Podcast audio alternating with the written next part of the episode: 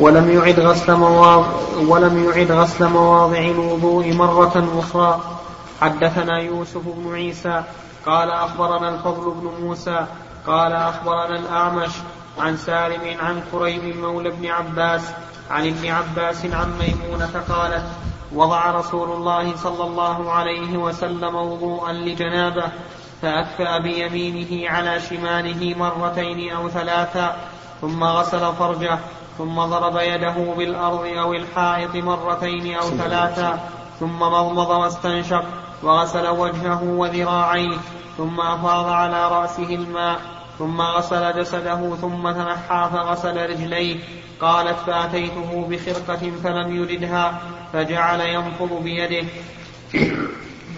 نعم. هذا فيه دليل على أن المغتسل من الجنابة إذا توضأ أولا فإنه لا يعيد وضوءه مرة ثانية. وقد يقول قائل هل في هذا دليل على أن مس الذكر لا ينقض الوضوء؟ لأن الغالب أن الإنسان إذا اغتسل من الجنابة ولا سيما في فيما سبق من من العهود الماء قليل. يعني لا يمكن أن الماء يجري على كل الجسم إلا بإمرار اليد معه. فهل نقول إن هذا يدل على ذلك؟ قد يكون فيه دلالة. لكن إذا لم يدل فهناك أدلة أخرى تدل على أن مس الذكر لا ينقض الوضوء. اللهم إلا إذا مسه لشهوة. فإذا مسه لشهوة فإنه ينتقض وضوءه لأن النبي صلى الله عليه وعلى آله وسلم علل ذلك بكونه لما سأله طلق بن علي أو غيره عن الرجل يمس ذكره عليه الوضوء قال لا إنما هو بضعة منك. وفي حديث بصرة أن الرسول أمر بالوضوء منه. فالجمع بينهما أن الأول لمسه لغير, لغير شهوة والثاني لمسه لشهوة. وقال وجمع بعضهم بوجه آخر فقال الأول نفى الوجوب يعني عليه الوضوء. ونفي الوجوب لا يستلزم نفي الاستحباب. وعلى هذا يكون من مس الذكر على وجه الاستحباب سواء كان لشهوة أو لغير شهوة. والشهوة لا أثر لها بدليل أن الرجل لو مس امرأته لشهوة لم ينتقض وضوءه على قول الراجح. وعلى هذا فيكون الوضوء من مس الذكر مستحبا وليس بواجب سواء مسه لشهوة أو لغير شهوة ولكن الإنسان عليه أن يحتاط حتى يطمئن وتبرأ ذمته بيقين. نعم. باب إذا ذكر في المسجد أنه جنب يخرج كما هو ولا يتيمم. حدثنا عبد الله بن محمد قال حدثنا عثمان بن عمر قال أخبرنا يونس عن الزهري عن أبي سلمة عن أبي هريرة قال أقيمت الصلاة وعدلت الصفوف قياما فخرج رسول الله صلى فخرج إلينا رسول الله صلى الله عليه وسلم فلما قام في مصلاه ذكر أنه جنب فقال لنا مكانكم ثم رجع فاغتسل ثم خرج إلينا ورأسه يقطر فكبر فصلينا معه. تابعه عبد الأعلى عن معمر عن الزهري ورواه الأوزاعي عن الزهري. يقول باب إذا ذكر في المسجد أنه جنب يخرج كما هو ولا يتيمم وهذا صحيح. يعني إنسان في المسجد ذكر أنه على, أنه على جنابة. لا نقول لا بد أن تتيمم لأنك سوف تخطو خطوات من مكانك إلى باب المسجد وهذا نوع من المكث. لأن هذا تشديد. والخارج من الذنب غير مذنب. نقول اخرج بلا تيمم. وكذلك لو احتلم في المسجد. لا نقول تيمم ثم اخرج نقول اخرج واغتسل أو توضأ. وفي هذا الحديث دليل على اهتمام الصحابة رضي الله عنهم بالصفوف. بقوله عدلت الصفوف. وهذا يدل على أن أنهم يحرصون على تعديلها. إما بأنفسهم أو بمن يوكل إليه ذلك. وفيه أيضا أنه لا حرج في الفصل بين الإقامة والصلاح وهو كذلك أيضا. فلو أقام للصلاة على أنه سوف يصلي ثم طرأت حاجة كوضوء أو غسل أو إنسان كلمه في شيء فإنه لا حرج ولا حاجة إلى إعادة الإقامة. وفيه جواز اغتسال الإنسان أو بل جواز إخبار الإنسان بأنه جنب وخروجه إلى الناس ورأسه يقطر من ماء الجنابة. لأن هذا لأن هذا شيء لا يخص واحدا دون الآخر. كل الناس يبتلى بهذا الشيء. فلا فلا حرج فيه ولا حياء منه. وفيه أيضا في هذا الحديث أن رسول الله صلى الله عليه وعلى آله وسلم يلحقه النسيان كما يلحق غيره وقد صرح هو بنفسه أنه بشر ينسى كما ننسى. وإذا كان ينسى كما ننسى فهو أيضا يجهل كما نجهل. لأن من لحق علمه النسيان سبق علمه الجهل. ولا شك أن النبي صلى الله عليه وسلم لا يعلم الغيب إلا ما أطلعه الله عليه. وفي هذا دليل على أنه لا بد من غسل الرأس في الجنابة. لقوله ورأسه يقطر لأنه لو كان مسحا ما قطر. نعم. عبيد الله؟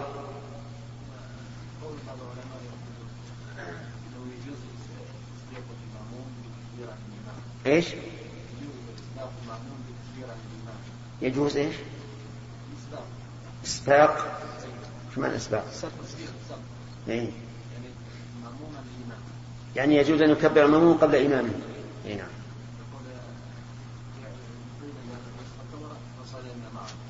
كيف؟ ذكر أنه جنوب فكبر فصلينا معه لا ليس في الصلاة هذا البخاري ما ذكر أنه أنه كبر. نعم.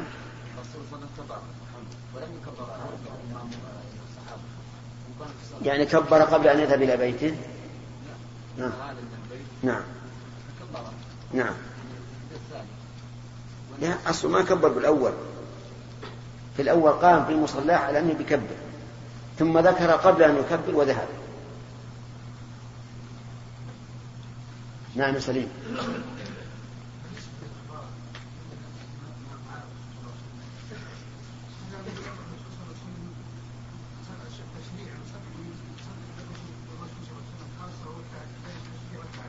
نعم.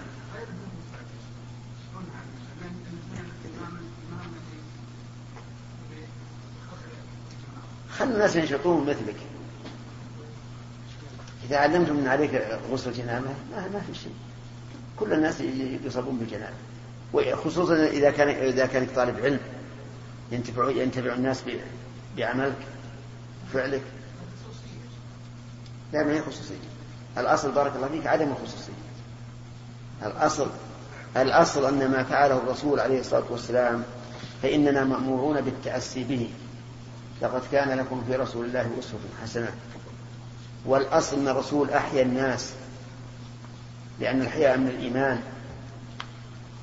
فإذا كان النبي عليه الصلاة والسلام لم يستحي في مثل هذه الحال فلا تستحي أنت أبدا ما عليك إن شاء الله سليم. إن شاء الله أنك سليم سليم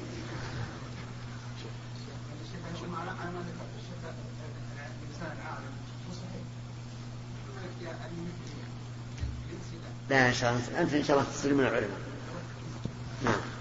ذكر بعضهم من حديث طلق بن علي لا دلالة فيه لأن السائل قال الرجل ما استكر في الصلاة وهذا لا يكون من صفحة هذا صحيح؟ ها؟ ذكر بعضهم من حديث طلق بن علي لا دلالة فيه لأن السائل قال الرجل يمس ذكره في الصلاة وهذا لا يكون من فوق فوق إلا إيش؟ هذا لا يكون من فوق حائل. لا يا أخي. هو الحديث في في الصلاة. يمس ذكره في الصلاة. هذا قال لا يكون إلا فوق حائل. هل يمكن مس مع حائل؟ من فوق حائل في الصلاة من فوق ما يسمى مس. مع الحائل مس الثوب. نعم. لكن إذا قلت كيف ذلك؟ يمكن الإنسان يحتاج إلى إلى حكة أو ما أشبه ذلك ويحصل هذا الشيء. ثلاثة. نعم. باب نفض اليدين من الغسل عن الجنابة. حدثنا عبدان قال أخبرنا أبو حمزة. أنت عندك يا عبد الله ذكر رواية أن الرسول كبر أولا؟ نعم.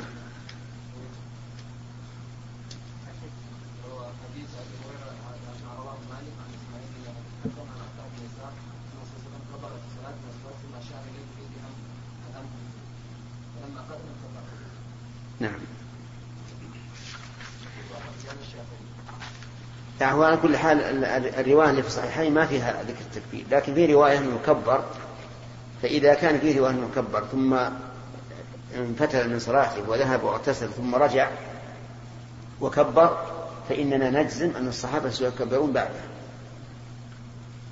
فهمت؟ هذه واحدة. لقوله إذا كبر فكبروا أو يقال أنه في هذه الحال لما كان تكبيرهم الأول بعد تكبيره هو الأول صاروا ممتثلين إلى قوله إذا كبر فكبروا. وعلى هذا فيكون إذا فإذا جاء هو ابتدأ الصلاة لأن صلاته انقطعت بل تبين أنها لم تنعقد. وأما هم فهم على ما سبق. فهذا فيه احتمال. لكن بعد أن تكون الرواية محفوظة أنه كبر. وإذا صحت هذه الرواية صار فيه دليل على أنه لا تبطل صلاة المأموم ببطلان صلاة الإمام حتى وإن كانت صلاة الإمام لم تنعقد. نعم. باب نفض اليدين من الغسل عن الجنابة. حدثنا عبدان قال أخبرنا أبو حمزة قال سمعت الأعمش عن سالم عن كريب عن ابن عباس قال قالت ميمونة وضعت للنبي صلى الله عليه وسلم غسلا فسترته بثوب. وصب على يديه فغسلهما ثم صب بيمينه على شماله فغسل فرجه فضرب بيده الأرض فمسحها ثم غسلها فمضمض واستنشق وغسل وجهه وذراعيه ثم صب على رأسه وأفاض على جسده ثم تنحى فغسل قدميه فناولته ثوبا فلم يأخذ فانطلق وهو ينفض يديه. باب من بدأ بشق رأسه الأيمن في الغسل.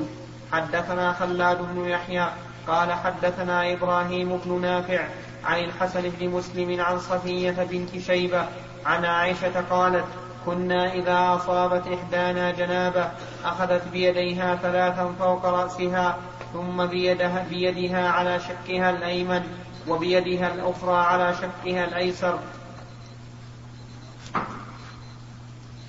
وهذا هو هو الأصل. أنه إذا توضأ الإنسان في الجنابة وأراد أن يعمم بدنه فإنه يبدأ بالشق الأيمن. ويؤيد ذلك قول النبي صلى الله عليه وعلى آله وسلم في النساء اللاتي يغسلن ابنتاه قال ابدأنا بميامنها ومواضع الوضوء منها. ويؤيدها أيضا حديث عائشة العام كان النبي صلى الله عليه وعلى آله وسلم يعجبه التيامن في تنعله وطهوره وترجله وفي شأنه كله. نعم. شيخ إذا اغتسل الرجل من الجنابة وفي أثناء الاغتسال خرج من المني أو بعد الغسل؟ بشهوة ولا بغير شهوة؟ لا لا إرادة يعني. يعني بغير شهوة. نعم. هذا ليس فيه إلا يغسل ما خرج ويتوضأ. إي نعم مخالفة الناس يا شيخ في العادات من خوارم المروءة؟ نعم. هل هل يثبت لها الآن حكم شيخ؟ أي. خوارم المروءة في هذا العصر الآن إيش الأحكام؟ لا هو على كل حال الناس الآن توسعوا بعض الشيء. وصار الإنسان يأتي ويبقى في ثوبه الذي كان يعرفه في بلده بل بعضهم يرى أن هذا من باب العزة أن لا يخنع لعادات البلد التي قدم عليها. نعم. لكن الأفضل أن يكون مثل الناس. هذا هو الأحسن.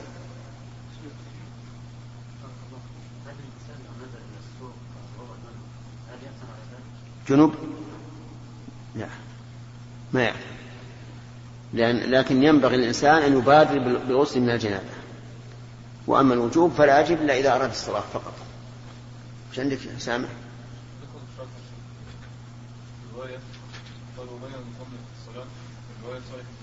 إيش؟ قال وغير المصنف الصلاة ومن رواية صالح بن كيسان عن الزهري أن ذلك كان قبل أن يكبر النبي صلى الله عليه وسلم. نعم. في تصحيح أنه كان قبل قبل التكبيرين. وعلى كل حال ظاهر الحديث أنه قبل أن يكبر حتى السياق الذي معه.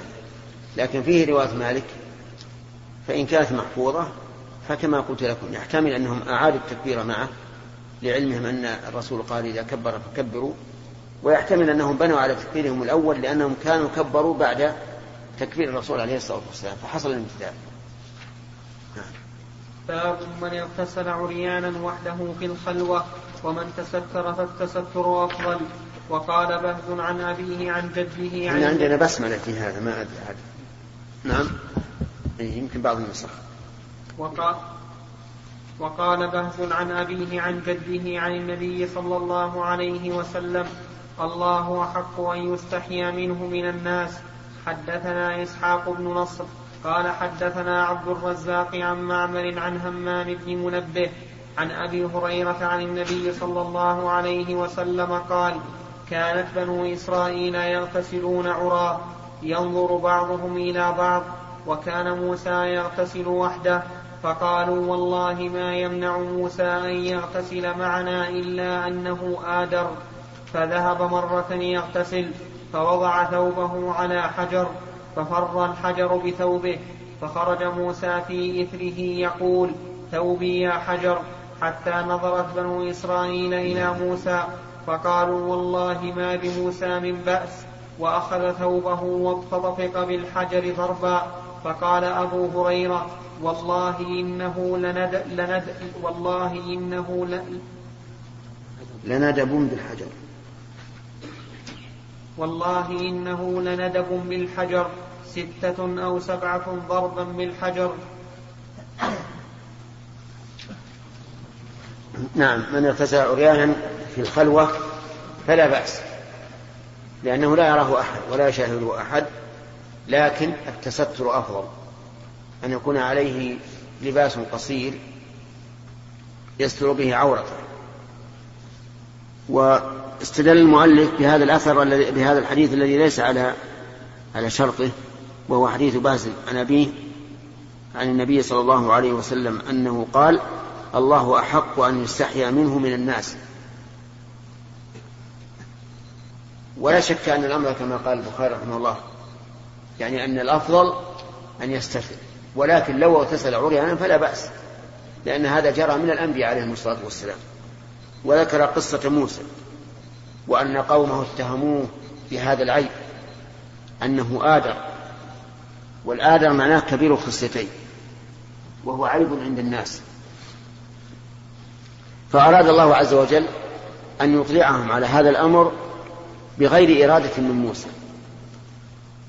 ذهب يغتسل عليه الصلاة والسلام فوضع ثوبه على حجر ففر الحجر بثوبه.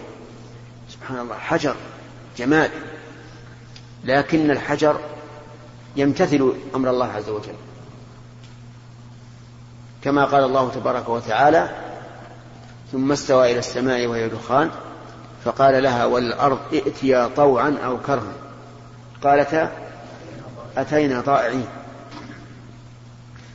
فر الحجر بثوبه فأخذ جعل خرج في أثره يقول ثوبي يا حجر كيف خاطب الحجر وهو جماد؟ لأنه فعل فعل الحي. قال هذا الذي فر بثوبه خاطب لعله يقف لكن الحجر لم يقف. حتى نظرت بنو إسرائيل إلى موسى. ولكن إن شاء الله بقية الكلام.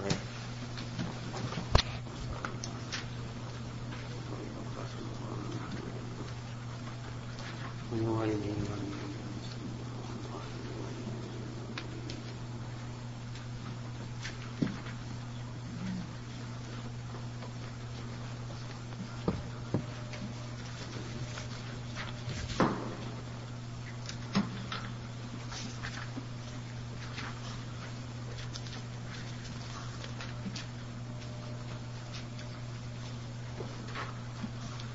ترجمة من شرح ترجمة.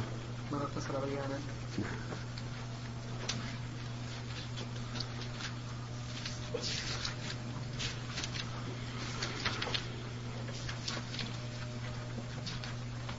قوله باب من اتصل عصيانا وحده في خلوة أي من الناس وهو تأكيد لقوله وحده ودل قوله أفضل على الجواز وعليه أكثر العلماء. وخالف فيه ابن أبي ليلى وكأنه تمسك بحديثه على ابن أمية مرفوعا إذا اغتسل أحدكم فليستتر. قاله لرجل رآه يغتسل عريانا وحده رواه أبو داود. وللبزار نحوه من حديث ابن عباس مطولا. قوله وقال بهز زاد الأصيل ابن حكيم زاد الأصيل ابن حكيم. قوله عن جده هو معاوية بن محيدة.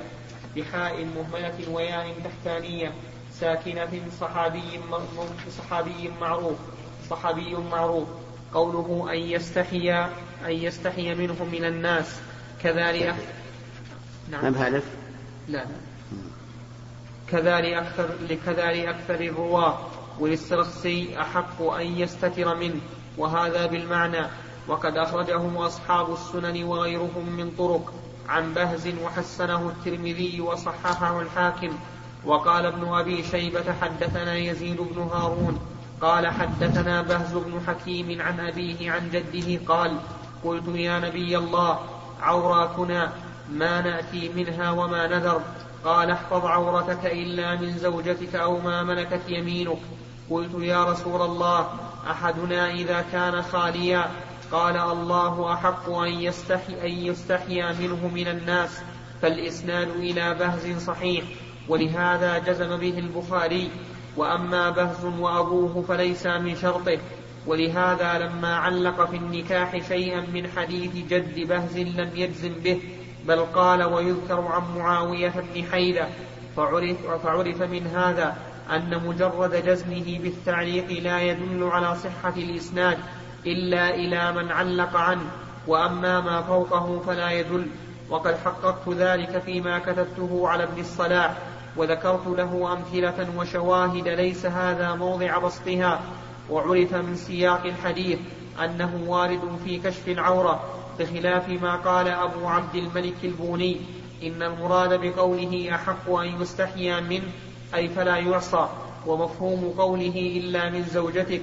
يدل على أنه يجوز لها النظر إلى ذلك منه وقياسه أنه يجوز له النظر ويدل أيضا على أنه لا يجوز النظر لغير من استثني ومنه الرجل ومنه الرجل للرجل والمرأة للمرأة وفيه حديث في صحيح مسلم ثم إن ظاهر ثم إن ظاهر حديث ثم إن ظاهر حديث بهز يدل على أن التعري في الخلوة غير جائز مطلقا. لكن استدل المصنف على جوازه في الغسل بقصة موسى وأيوب عليهما السلام ووجه الدلالة منه على ما قال ابن بطال أنهما ممن أمرنا بالاقتداء به وهذا إنما يأتي على رأي من يقول شرع من قبلنا شرع لنا والذي يظهر أن وجه الدلالة منه أن النبي صلى الله عليه وسلم قص القصتين ولم يتعقب شيئا منهما فدل على موافقتهما لشرعنا وإلا فلو كان فيهما شيء غير موافق لبينه. فعلى هذا فيجمع بين الحديثين بحمل حديث بهز بن حكيم على الأفضل وإليه أشار في الترجمة ورجح بعض الشافعية تحريمه والمشهور عند متقدميهم كغيرهم الكراهة فقط. قوله كانت بنو إسرائيل أي جماعتهم وهو كقوله تعالى قالت الأعراب آمنا قوله يغتسلون عراة ظاهره أن ذلك كان جائزا في شرعهم وإلا لما أقرهم موسى على ذلك وكان هو عليه السلام يغتسل وحده أخذا بالأفضل. وأغرب ابن بطال فقال هذا يدل على أنهم كانوا عصاة له وتبعه على ذلك القرطبي فأطال في ذلك.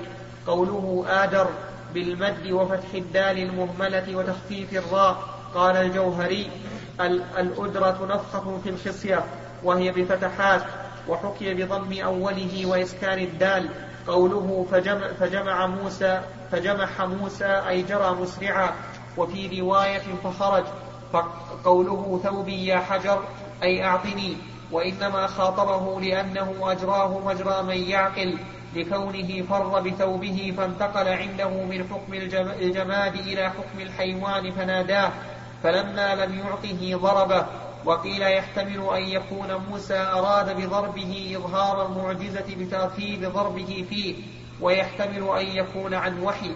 قوله حتى نظرت ظاهره أنهم رأوا جسده وبه يتم الاستدلال على جواز النظر عند الضرورة لمداواة وشبهها.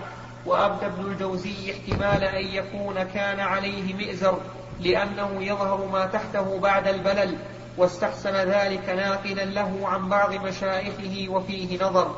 قوله فطفق بالحجر ضربا كذا لأكثر الرواة وللكشميهني والحموي فطفق, فطفق الحجر ضربا والحجر على هذا منصوب بفعل مقدر أي طفق يضرب الحجر ضربا قوله قال أبو هريرة هو من هو من تتمة مقول همام وليس بمعلق.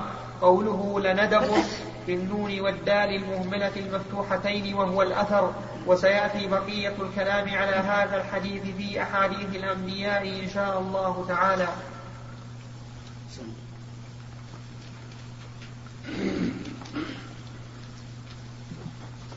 بسم الله الرحمن الرحيم. الحمد لله رب العالمين. وصلى الله وسلم وبارك على عبده ورسوله نبينا محمد وعلى آله وصحبه أجمعين. قال الإمام, البخ... قال الإمام البخاري رحمه الله تعالى في كتاب الغسل. عن وعن أبي هريرة عن النبي صلى الله عليه وسلم قال بين أيوب يغتسل عريانا فخر عليه جراد من ذهب فجعل أيوب يحتفي, يحتفي في ثوبه فناداه ربه يا أيوب ألم أكن أغنيتك عما ترى؟ قال بلى وعزتك ولكن لا غنى بي عن بركتك.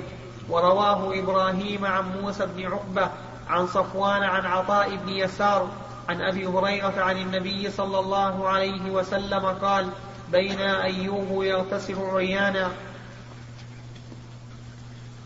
قوله خر عليهم جراد من ذهب في هذا دليل على كمال قدرة الله عز وجل. وإلا فإن العادة أن الذهب لا يطير وأنه لا ينزل من السماء. ولكن قدرة الله تعالى فوق كل شيء. وفيه دليل, دليل على جواز الاستزادة من المال إذا كان على وجه مباح. ولكن هل هذا ينافي الورع أو ينافي الزهد؟ نعم. نقول لا ينافيهما و وقد ينافيهما. إذا كان يأخذه لينتفع به في الآخرة فإنه لا ينافيه. لا الورع ولا الزهد. مثل أن يستكثر من المال للجهاد في سبيل الله.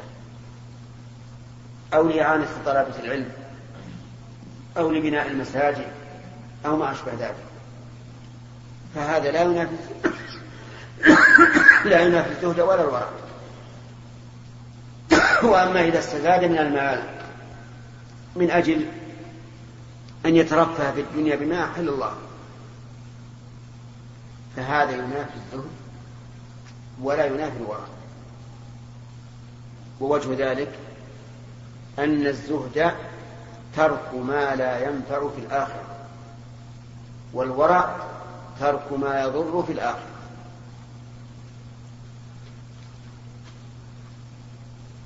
الفرق واضح؟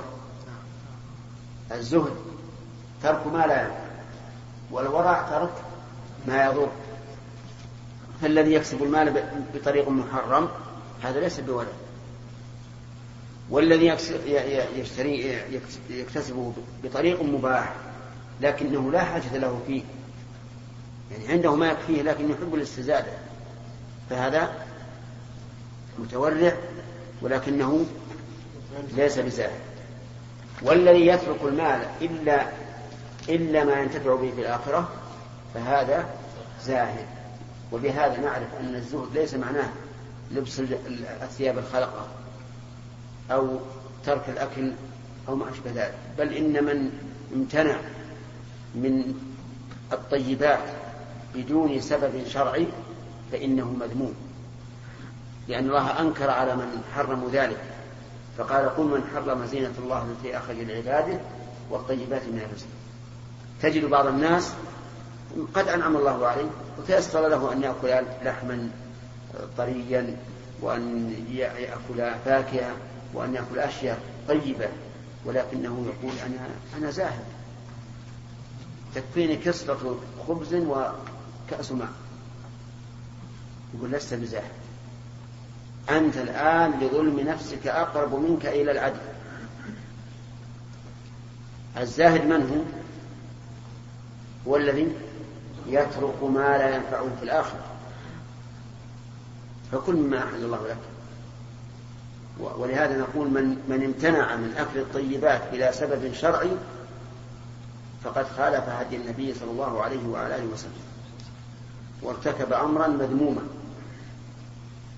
لكن لو فرض أن هذا الرجل لا يستقيم أمره ولا يصرف قلبه إلا بمثل هذا العمل فإننا نقول لكل مقام مقال وداوي المريض بالدواء المناسب.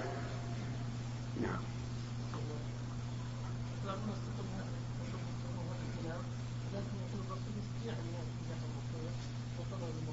نعم. إي نعم صحيح. هذا قد يرد علينا لكن الرسول عليه الصلاة والسلام لا يحب أن لا يحب الدنيا. ولهذا قال إن عبدا خيره الله بين أن يعيش في الدنيا ما شاء الله أن يعيش وبين ما عند الله فاختار ما عند الله. فهو يريد أن يجعل هذا ذخرا في الآخرة. لكن أنا وأمثالي هل نجزم أنه سيكون لنا هذا في الآخرة؟ نعم لا نجزم. ربما نحن انفسنا خير الدنيا وفي الآخرة نسأل الله العفو والعافية. نعم. سليم. سليم بعد هذا جنبه. هل مرة من المرات الرسول صلى الله عليه وسلم قدم عليه طعام مما حل الله له وقال أنا زاد من هذا والله لا أذكر هذا لكنه يؤثر على نفسه عليه الصلاة والسلام. يؤثر على نفسه كان يربط على على بطنه الحجر من الجوع ويعطي عطاء من لا الفقر.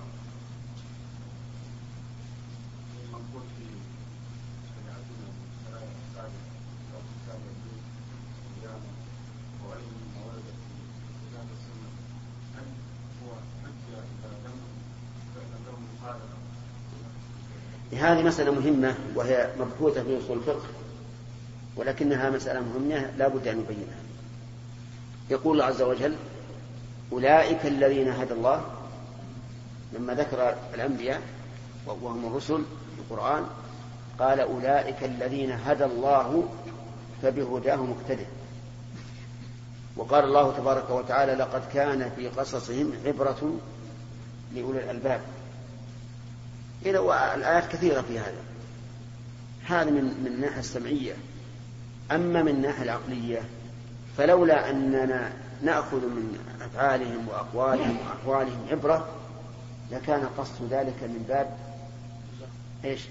العبث واللغو ولا فائدة منه فلذلك القول الراجح بل المتعين أن شرع من قبلنا شرع لنا ما لم يرد شرعنا بخلافه وأكبر دليل على ذلك حديث أنس في قصة الربيع حينما كسرت ثنية جارية من الأنصار فأمر النبي صلى الله عليه وسلم أن تكسر ثنيتها.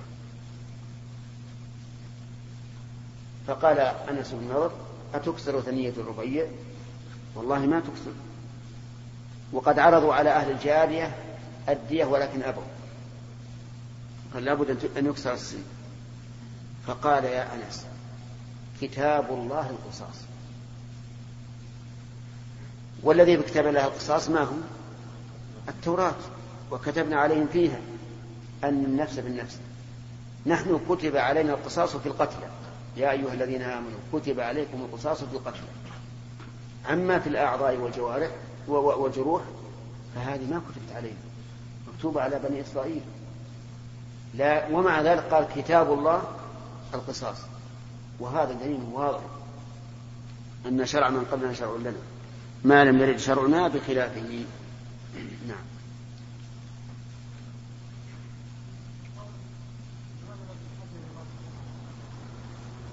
نعم. ها؟ نعم. يضرب يعني أثر فيه يعني ضربه حتى أثر فيه لكن هل يؤخذ منه من هذا الحديث ما نفعله بصبياننا إذا عثر بحجر؟ نعم. جعلنا نضرب الحجر أمامه حتى يسكت. وهذا شيء مشاهد الآن. يعني الصبي مثلا إذا عثر بشيء وقلت نبي ندقه؟ نعم. ثم قمت تخبط على اللي عثر به يسكت. نعم. معروف. هل نقول لعل هذا يكون أصلا لعملنا؟ نعم. ها؟ في احتمال صحيح. من؟ قصة موسى يعني؟ أقول موسى يعني؟ أي نعم هو تصرف الحجر هذا تصرف من يعقل كونه هرب به. ويدعوه يا حجر يا حجر ثوبي ولكن ما لا يبالي به. هذا يدل أنه يعقل يعني فعل فعل العاقل. لكن الصبي عنده أن هذا الذي عثر به أو الذي سقط عليه أنه عاقل. يحسب مثل لو طاح عليه الحجر أو ما أشبه ذلك يحسب أنه عن قصد فعلى كل حال دعونا من من كونها لها أصل. هل يحسن بنا أن إذا رأينا الصبي سيسكت إذا هدأناه بهذا. أن نفعل؟ الظاهر نعم.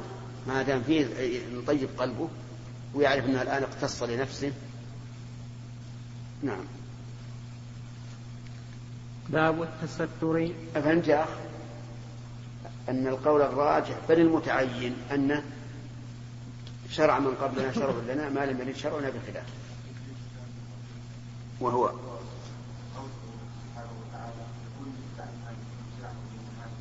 أحسنت.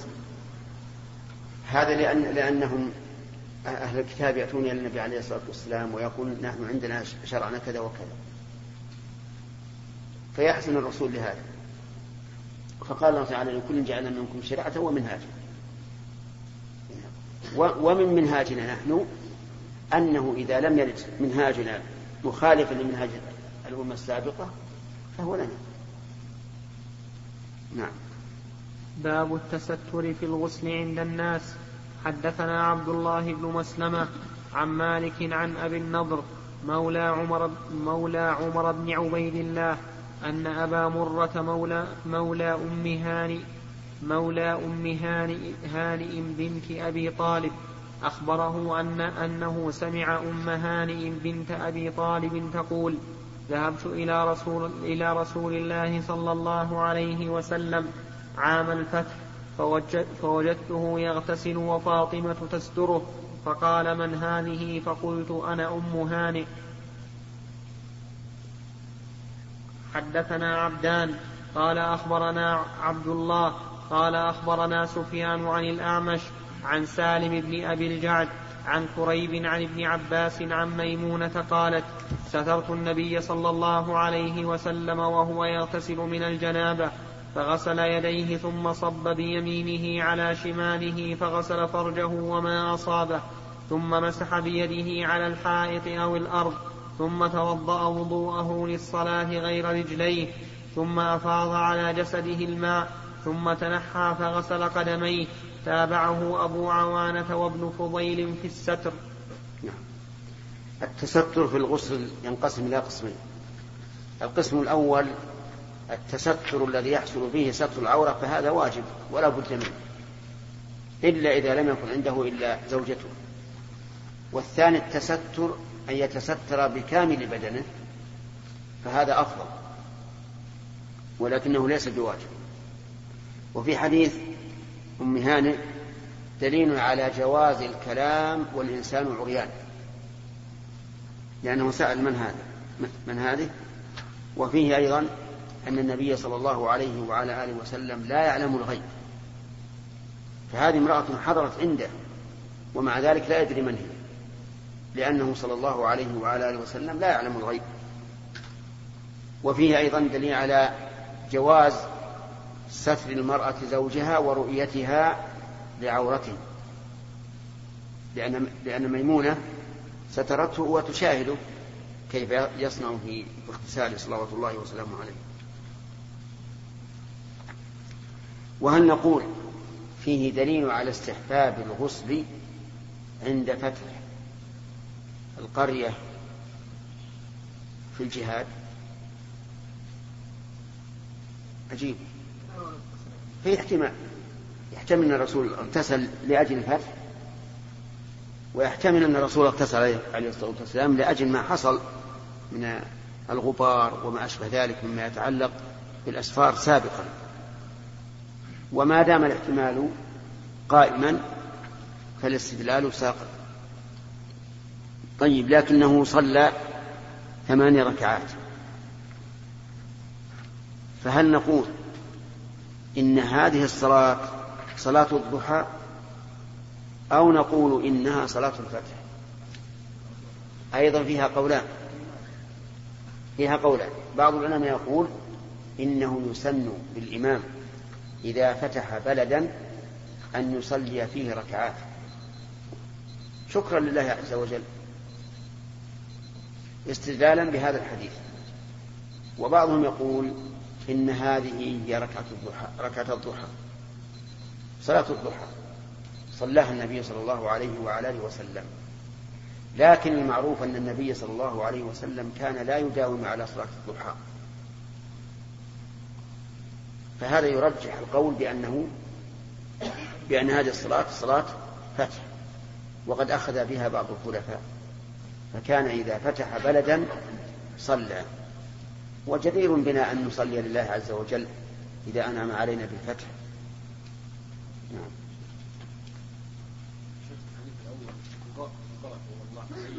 نعم. صحيح. ما الإضافة؟ إضافة حقيقية لأن كثرة المال من بركة من البركة التي يسديها الله عز وجل.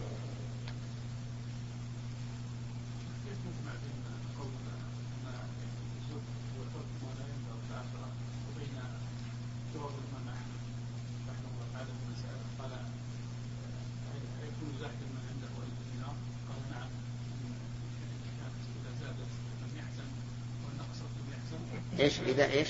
إن زادت لم إن زادت لم يقرأ وإن نقصت لم يحزن وكذلك لما قال سليمان عليه السلام نعم. الأنبياء عليهم الصلاة والسلام يلاحظون أشياء يحتاجون إليها. ولهذا قال ملكا لا ينبغي لأحد من بعدي وإلا لكانت المسألة مشكلة. أن يكون سليمان يتحجر نعمة الله. أو يتحجر فضل الله عز وجل ويقول لا ينبغي لأحد من بعده. لكن هم الأنبياء يعني لهم حالات تقتضي أن يدعو الله بهذا الدعاء. وأما ما قاله الإمام أحمد رحمه الله فلعل الإمام أحمد أراد بالزهد الورع. أراد بالزهد الورع. لأن الإنسان لا حرج عليه أن يطلب الزيادة من المال وإن كان لا ينتفع به في الآخرة لكن لا يتضرر به. لأن زيادة المال كما قلنا لكم قبل قليل إن كانت تحمله على الأشر والفطر وال والفرح المحرم فهي تنافي الورع والزهد. وإن كانت لا تحمله على ذلك لكنها لا تحمله على فعل الخير. فهي تنافي الزهد ولا تنافي الورع. وإن كانت الزيادة من أجل بذلها في الخير ومصالح الخلق فهو زهد. نعم طالب طاهر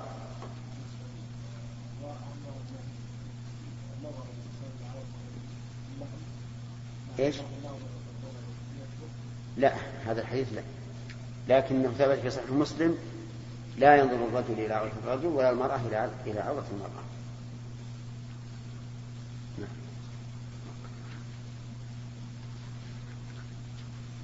باب إذا احتلمت المرأة.